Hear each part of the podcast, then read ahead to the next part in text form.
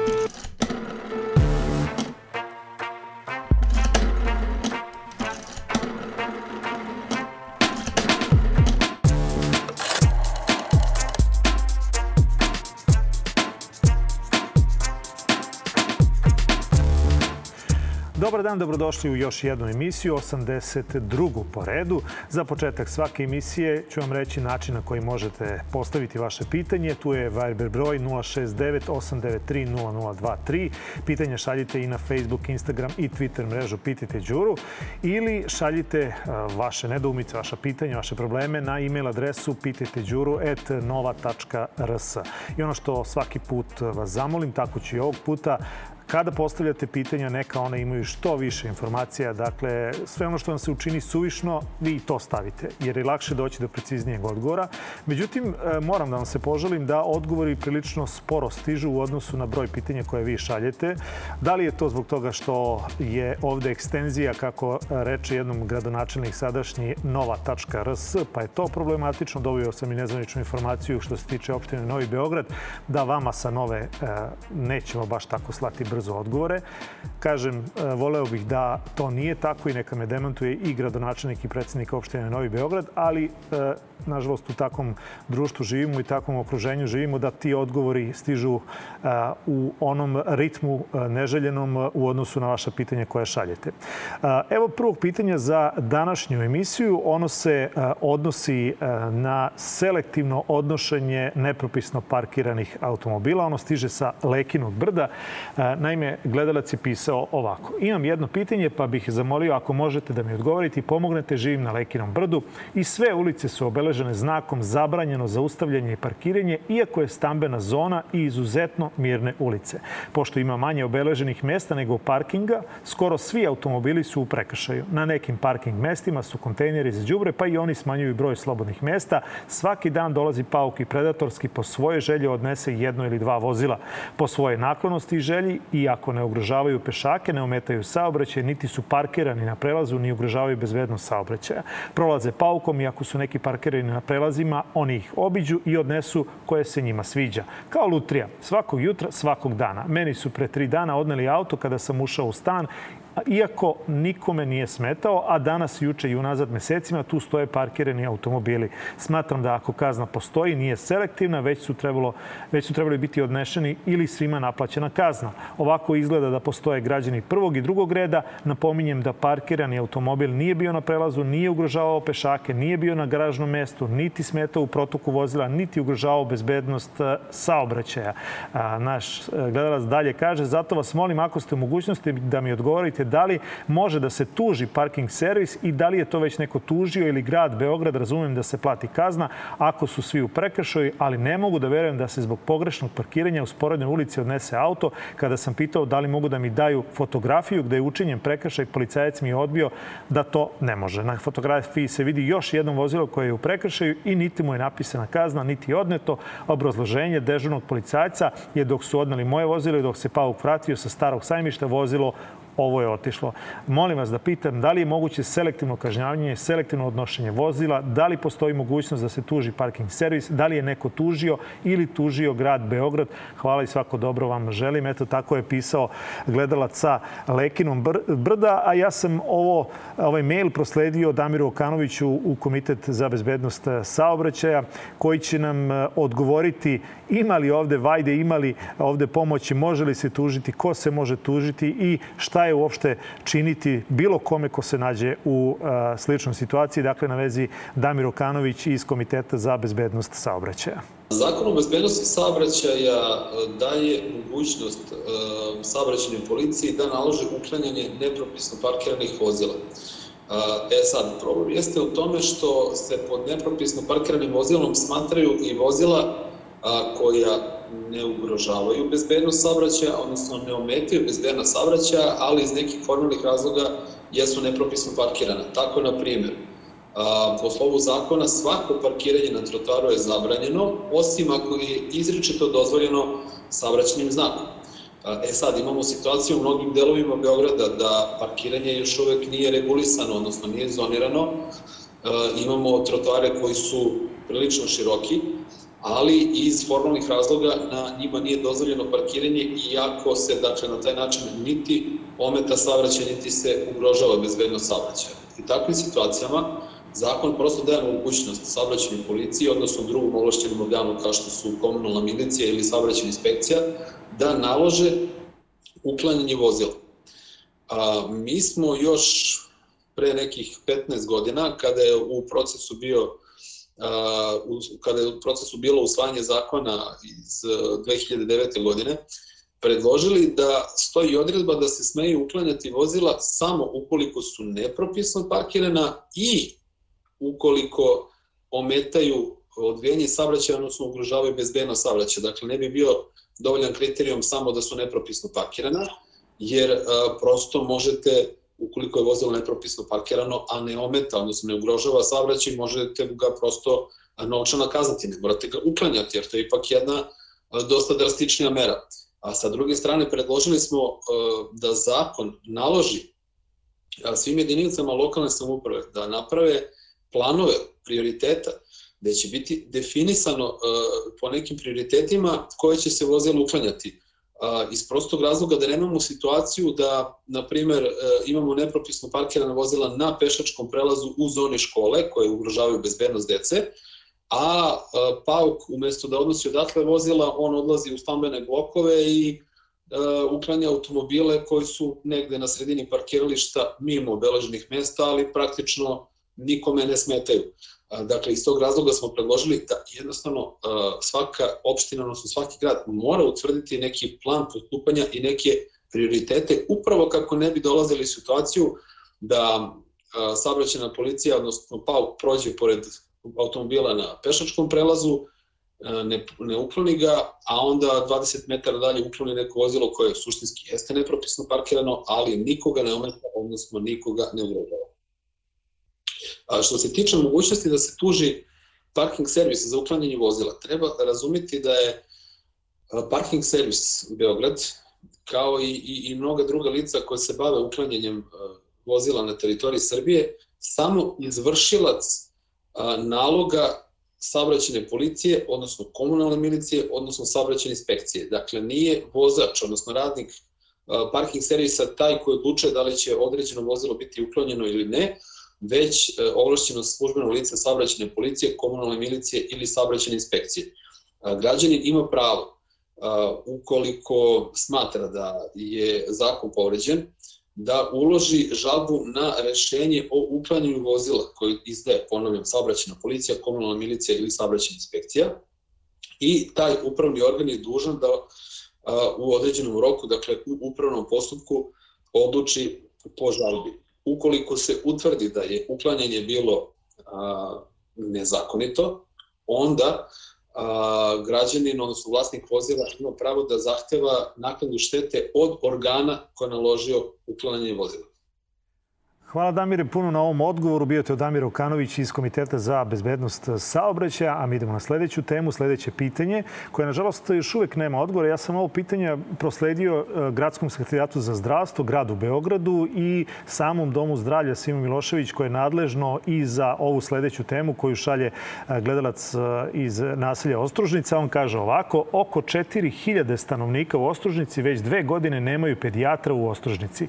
Primorani roditelji svoju prehlađenu decu i kad imaju temperaturu moraju autobusom voditi do Umke kako bi ih izlečili. Meštanka Ostružnice Milica Kosijer nam se poželila na veliki problem koji već skoro dve godine traje i zamolila je da javno objavimo i upozorimo nadležne institucije. Oko 500 dece bez pedijatra u Ostružnici. Meštani Ostružnice u prigradskom naselju koje pripada opštini Čukarica već dve godine nemaju pedijatra u ovom naselju. Svaki roditelj ima svoje dete i kada se razboli ili kada je pod temperaturom susreću se sa ogromnim problemom. Meštani Ostružnice su bez pedijatra već dve godine, a svi roditelji su prinuđeni da svoju decu vozaju autobusom pod temperaturom do susednog mesta koji je udaljen 7 km. Dom zdravlja u Ostružnici postoji već deceniju i uvek je postala pedijatrijska služba dok nije krenula korona. Pre su dostupnost pedijatra smanjili na tri dana u nedelji, dok je taj lekar preostala dva dana bio u Velikoj Moštanici. Ali kada je navodno počela korona, roditelji Ostružnice našli su se na još većoj muci jer je pedijatrijska služba u ovom nasilju potpuno ukinuta od strane ovog doma zdravlja. Je navodno rečeno da pedijatra nema zbog nedostatka kadra. Naravno, kada neko od roditelja ima auto, za njega to ne predstavlja veliki problem, ali za roditelji koji nemaju prevozno sredstvo, oni su primorani da voze decu autobusom po temperaturom do Umke ili ako mu, nažalost, pozli.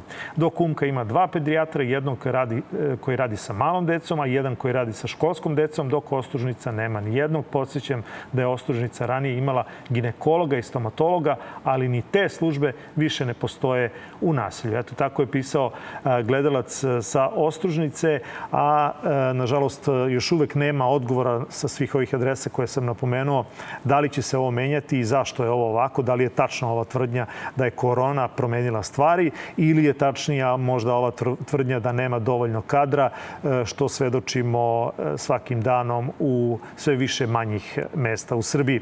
Idemo na sledeće pitanje. Ono se odnosi na jedan e, pa daleko poznat problem. Ovo jeste mikrolokacija, nalazi se na Čukaričkoj padini, ali ovakvih, nažalost, lokacija ima mnogo. Naime, gledateljka je poslala fotografije i kratko opisala, kaže ona, dobro jutro, Đuro, kad možete doći na Čukaričku padinu da vidite kako se naročito ujutru gušimo od dima koji stvaraju romi ložeći gume, žice i drugo.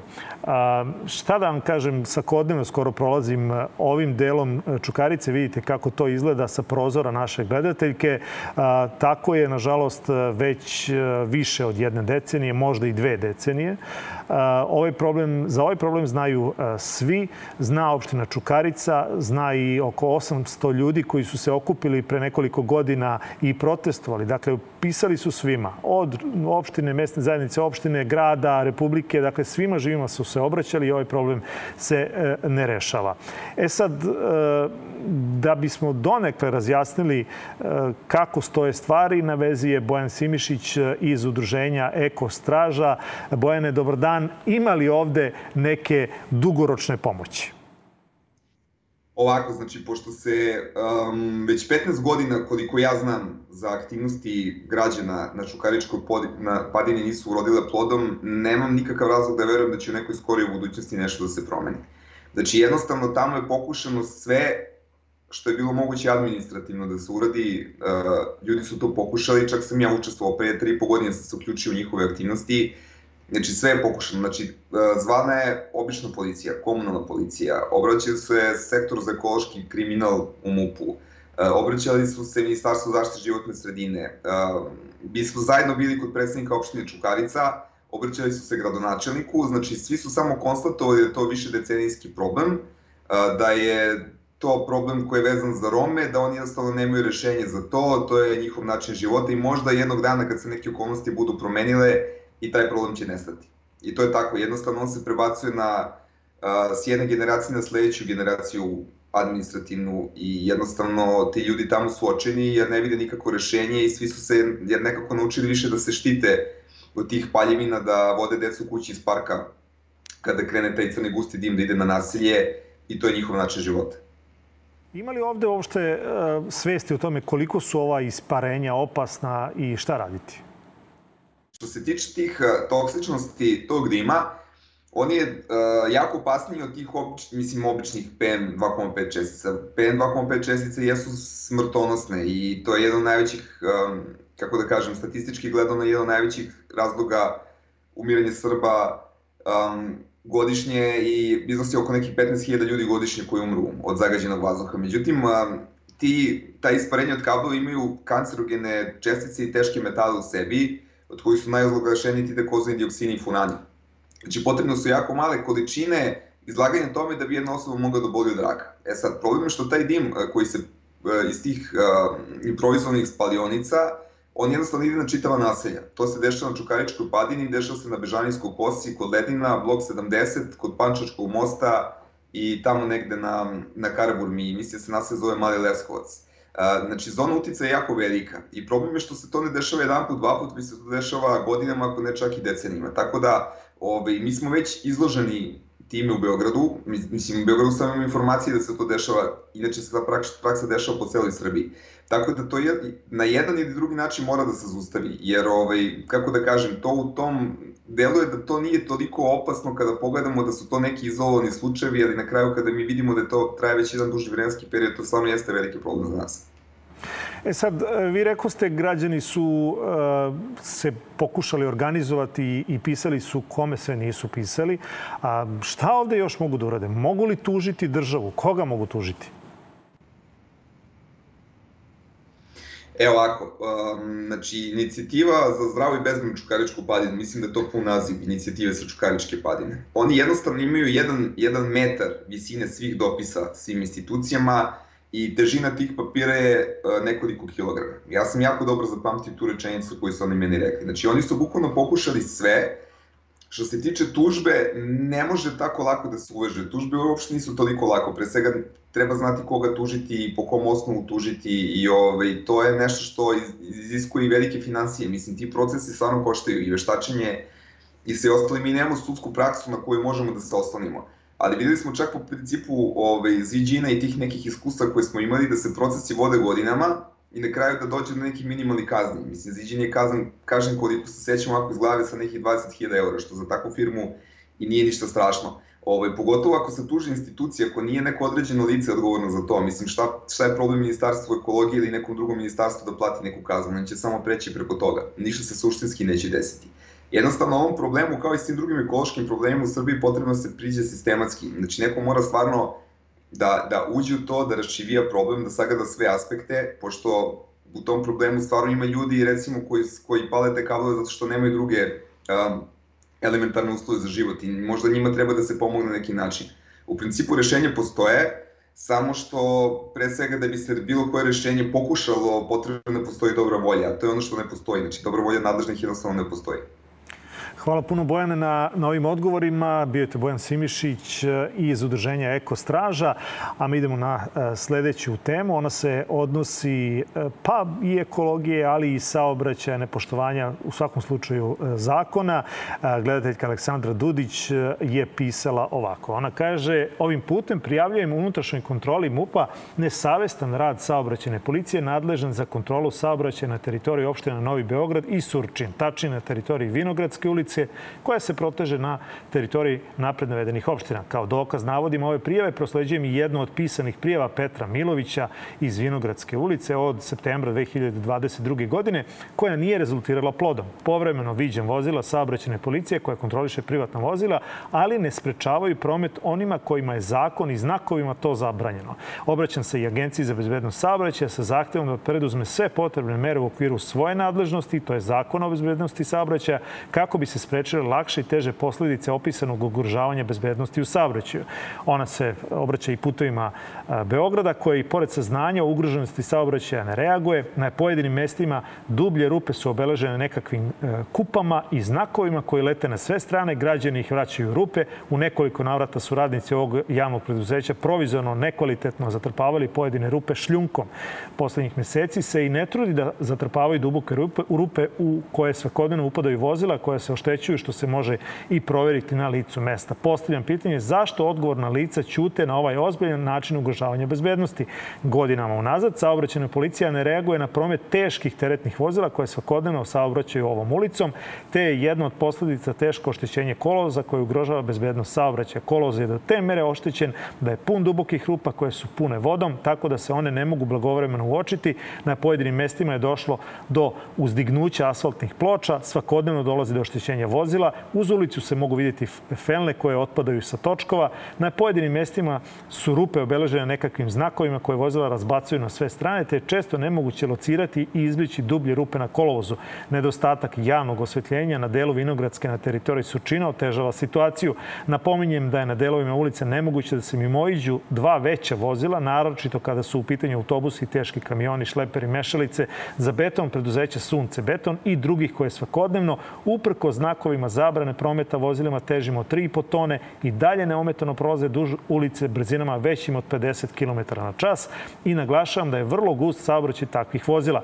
U prednjem, o prednjem pišu i mediji, prilaze javno obiljen e, tekst Telegrafa koji se zove Skupe rupe, a po prvi jednom sugrađenki. U okviru teksta i snimak sačinjen u decembru 2022. godine na kom se mogu vidjeti i veliki kamioni. Jedan od njih je registarske tablice VB004PM. Na priloženom putu se mogu vidjeti napred pomenuta pojedina oštećenja kolovoza, a sva vozila koja se kreću ovom ulicom uglavnom voze neprilagođenim brzinama većim od 50 km na čas, sve zbog nedostatka kontrole saobraćaja i ležećih policajaca, naročito na surčinskom delu ulice.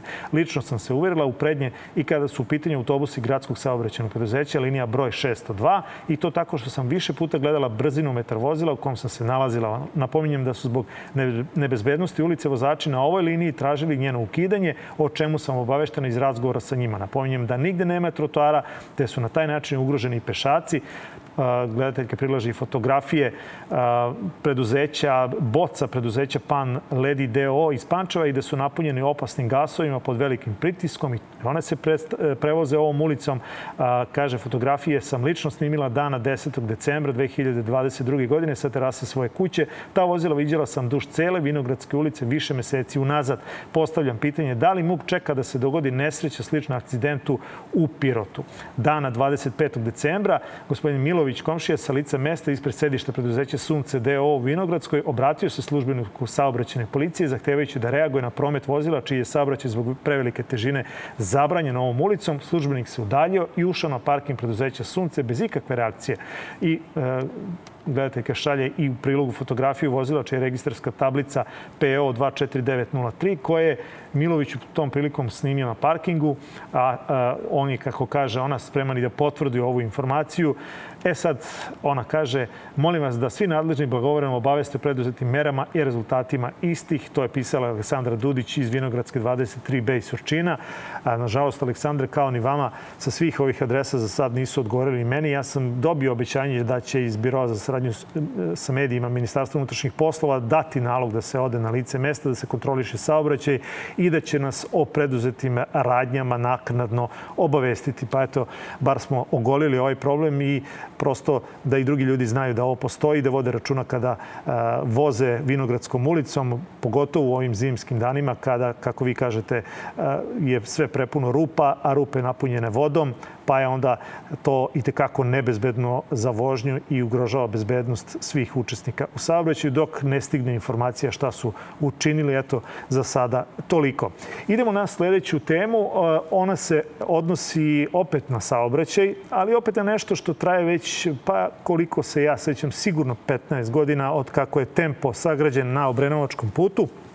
Od tada traje i ta priča oko izgradnje pasarele za sve one koji sa Čukaričke padine hoće da dođu bezbedno, a da ne pretrčavaju Obrenovački drum, što se takođe dešavalo. Pa je u jednom periodu tu postavljena i ograda koja je fizički onemogućavala ljude da pretrčavaju Obrenovački drum, što je takođe bilo dobro, ali očigledno to nije dugotrajno rešenje problema, pa se onda konačno, evo ove godine, to jest krajem prošle godine, e, sagrađena je ta pasarela, ali još uvek nije puštena u rad. Vi ste samo kratko poslali fotografiju kako to e, ovih dana e, izgleda i napisali pasarela je završena pre mesec, dva dana i još se čeka svečano otvaranje. Da li možete saznati kada će biti svečano puštena u rad? E, to je pitao gledalac Ilija. Evo vidite fotografije da to sa obaveštenjem i kako to danas izgleda. Dakle, građevinski radovi jesu gotovi i to je svakako veliki pomak jer smo ga čekali ovo decenijama a kada će biti puštena u rad, to ne znaju ni oni sami.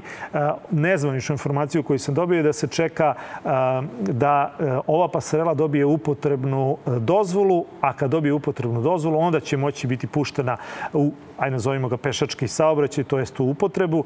Kada će to biti, niko sa sigurnošću, bar sa onih adresa koje sam ja pozvao i poslao ovo pitanje, nije mogao da zna. Dakle, tačan da, datum ne znaju ni oni.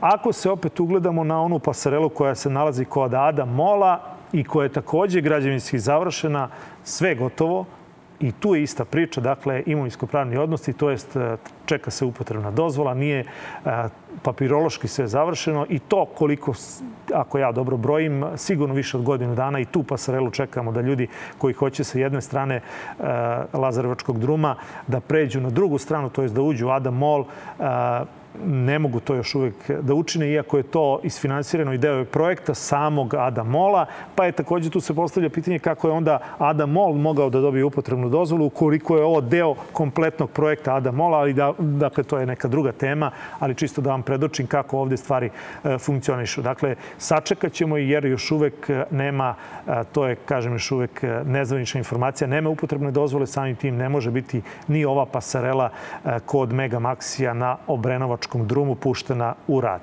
Idemo na sledeće pitanje.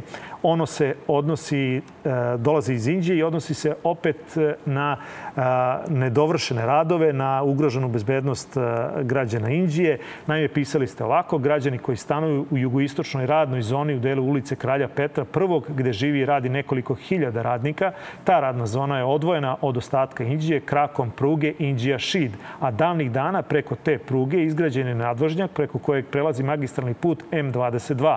Taj nadvožnjak nikada nije imao pešačku stazu, te su građani iz tog dela Indije u centar išli ispod njega, tačnije prelazili su divlji pružni prelaz. Sada železnica, tu zbog rekonstrukcije pruge Indija Šid, biće podignut zid, a nije isplaniran nikakav prelaz za pešake i bicikliste.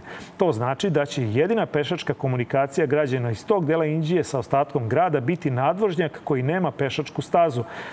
Preko tog nadvožnjaka prelazi 10.000 vozila dnevno. Građani Indije prelaskom preko nadvožnjaka strahuju za svoju bezbednost. Postavlja se pitanje kako će mala deca ići u školu, kako će stari ići do apoteke, kako će radnici i žitelji ovog dela Indije ići na svoj posao. Sva ova pitanja sam prosledio predsjednika opštine Indija koji nije naš, našao shodno da odgovori bar time da je primio ovaj mail i da je odgovorio. Zvao sam i kabinet predsjednika opštine, dobio sam nezvanično da će se pozabaviti ovim, da ću dobiti odgovor na ovo pitanje nažalost, još uvek ne odgovaraju. Takođe, iz javnog preduzeća Putevi Srbije kažu nije to u njihovoj nadležnosti. Iz javnog preduzeća Železnice Srbije nisam još uvek dobio odgovor i njima sam uputio ovo pitanje, ali nikako neću odustati, nemojte ni vi. Molim vas samo javite sa terena šta se trenutno dešava, pošto je ovo pitanje stiglo pre nedelju dana, možda i više. Dakle, čekam još uvek zvanične odgovore i bit ću u ovom slučaju i tekako uporan, jer se radi o bezbednosti e, ljudi koji žive u ovom delu opštine opštine Inđija. Idemo na sledeće pitanje koje se odnosi ovoga puta na pohvalu. Znači da smo na dobrom putu, da posle toliko godina radimo na pomoć građanima. Ovoga puta pohvala stiže iz Beča. Kaže gledalac Žarko Tomić, dragi Đuro, moje ime je Žarko Tomić, a guran, kako bi naši rekli, 71. Živim kao penzioner u Beču, ali rado pratim sva događanja u Srbiji. Dakle, potičem iz okoline Aleksandrovca Župskog.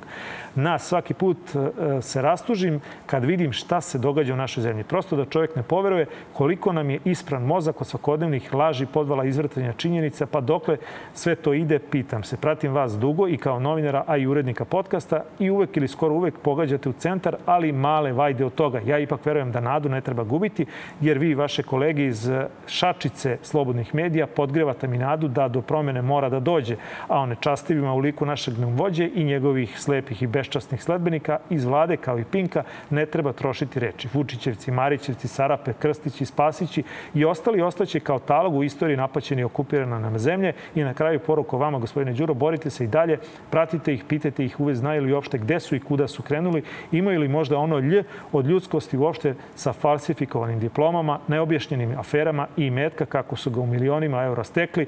Želim vam od srca svega dobro zdravlje i snage da idete dalje. Nadam se da konačne smene ovih neljudi koji nam zemlju opljačkaše i uništiše. PS, ako nešto mogu da pomognem, stojim vam na raspolaganju novinarska Aluždio, ako sam ja to dobro pročitao Gosan Svilar od srca Deda Žarko. Deda Žarko, hvala vam puno na ovim lepim rečima, jer one svakako daju podstrek da smo na dobrom putu i da ne treba prestajati, da, da treba istrajati.